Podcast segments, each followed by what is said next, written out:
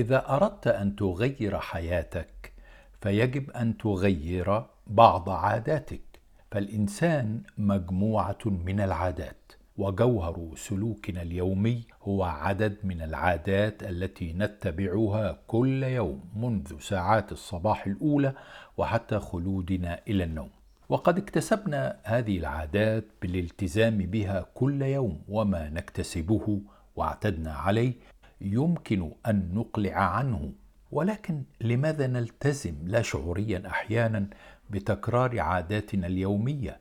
لأنها توفر لنا كثيرا من الجهد والوقت. وما تكرره يوميا في حياتك يصبح أداؤه بعد فترة اليا تمارسه تلقائيا بدون تفكير واع منك. إذ إن عقلك الباطن يتولى أمره. ندرك ذلك مثلا في تنظيف أسناننا وفي قيادة السيارة وفي استخدام هواتفنا المحمولة وأجهزة الكمبيوتر مما نؤديه بالطريقة ذاتها كل مرة في كل يوم بلا تدخل من العقل الواعي.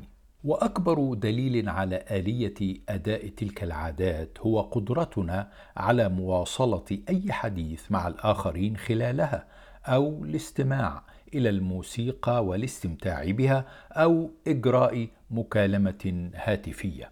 ومع مرور الوقت وكر الزمن نجد أنفسنا وقد انغمسنا في ممارسة عادات سيئة لا فائدة ترجى من ورائها بل أضحينا عبيدا لها ولا نستطيع الفكاك منها بعد أن صرنا مدمنين عليها. ولعل أوضح مثال على ذلك هو التدخين ومن العادات السيئة أيضا هذه الأيام الإدمان على تصفح الإنترنت ووسائل التواصل الاجتماعي ومشاهدة مواقع العري.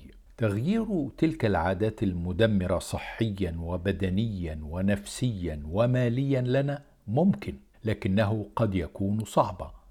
وترجع إمكانية تغيير العادات إلى طبيعتها فهي كما قلت مكتسبة. وكل مكتسب يمكن تغييره والتخلص منه.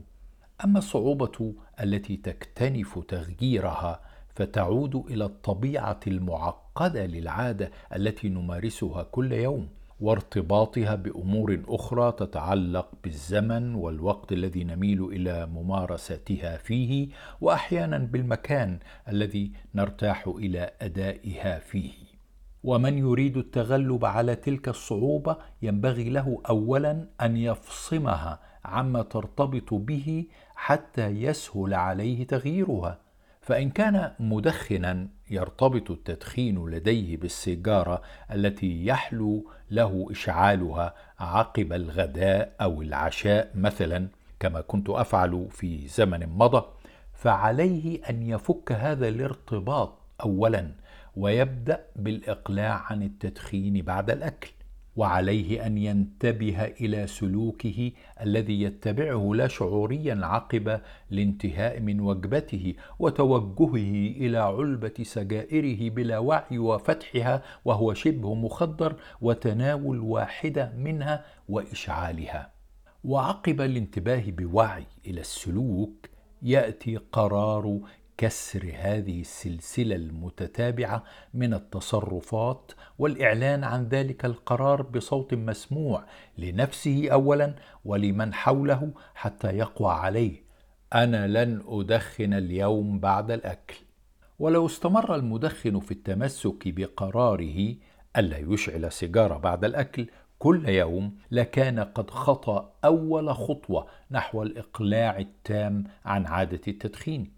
إذ إنه يستطيع بعد ذلك إن توفرت لديه الرغبة الجامحة في ترك التدخين وإن تحل بالإرادة وبالإصرار المطلوبين أن يباعد بين شرب القهوة والسيجارة. إن كان ممن يربطون التدخين بشرب القهوة مثلا أو أن يقرر رفض أي سيجارة يقدمها أحد الأصدقاء إليه إن جمعته جلسة مع مدخنين. أو أن يحد بقرار ذاتي من عدد السجائر التي يدخنها كل يوم وهكذا وهكذا. تغيير العادة اذا يمكن بدءه خطوة خطوة. لكن أصحاب النفوس الكبيرة يستطيعون تجاوز الخطوات جميعا ويستطيعون الإقلاع عما يريدون عندما يقررون في وثبة كبرى مهما آلمهم ذلك كما يوحي قول المتنبي إذا كانت النفوس كبارا تعبت في مرادها الأجسام. ويقودنا هذا إلى سر من أسرار النفس البشرية فيما يتعلق بالعادات واكتسابها. فالعادة كالنار تبدأ بمستصغر الشرر ثم تكبر وتكبر.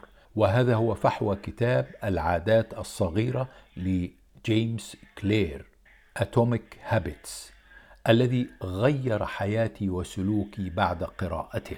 إذ يرى جيمس أن اكتساب عادة حميدة جديدة أو كسر عادة سيئة لا يبدأ دفعة واحدة بل ينشأ بسلوك محدود ينمو مع الوقت حتى يصل صاحبه إلى الأمل المنشود.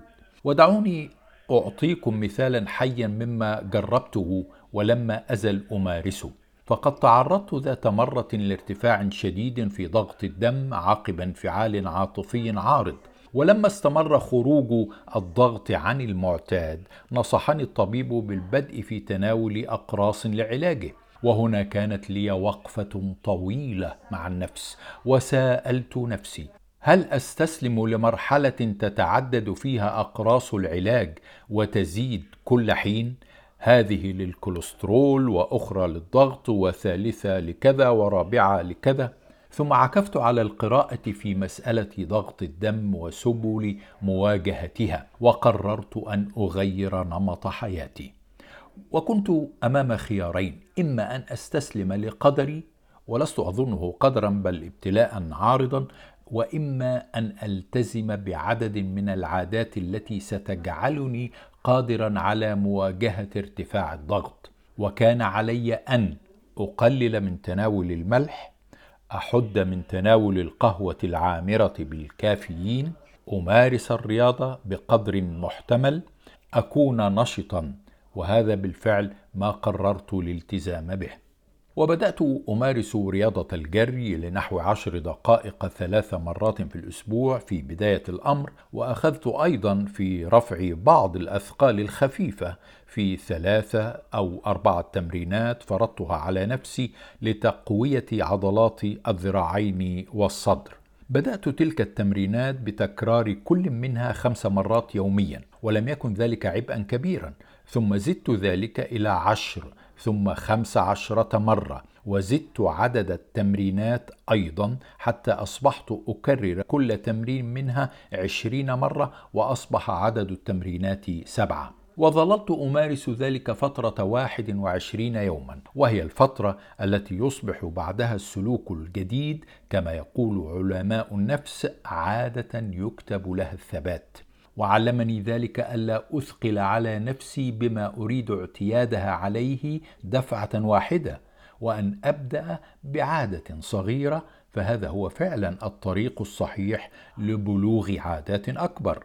وما زلت أمارس تلك التمرينات واستطعت أن أتخلص بفضل الله من أقراص الضغط بعد اعتداله بممارسة الرياضة والحفاظ على النشاط والحد من الملح والقهوة. ولست فريدا في ذلك إذ يستطيع أي منا بشيء من العزيمة وقوة الإرادة والإصرار أن يغير من حياته وأن يكسر عاداته السيئة وأن يلزم النفس بعادات حميدة مفيدة. وهو إن فعل ذلك فسيشعر بلا شك بنشوة الانتصار على النفس. وهذا في رأيي عنوان السعادة.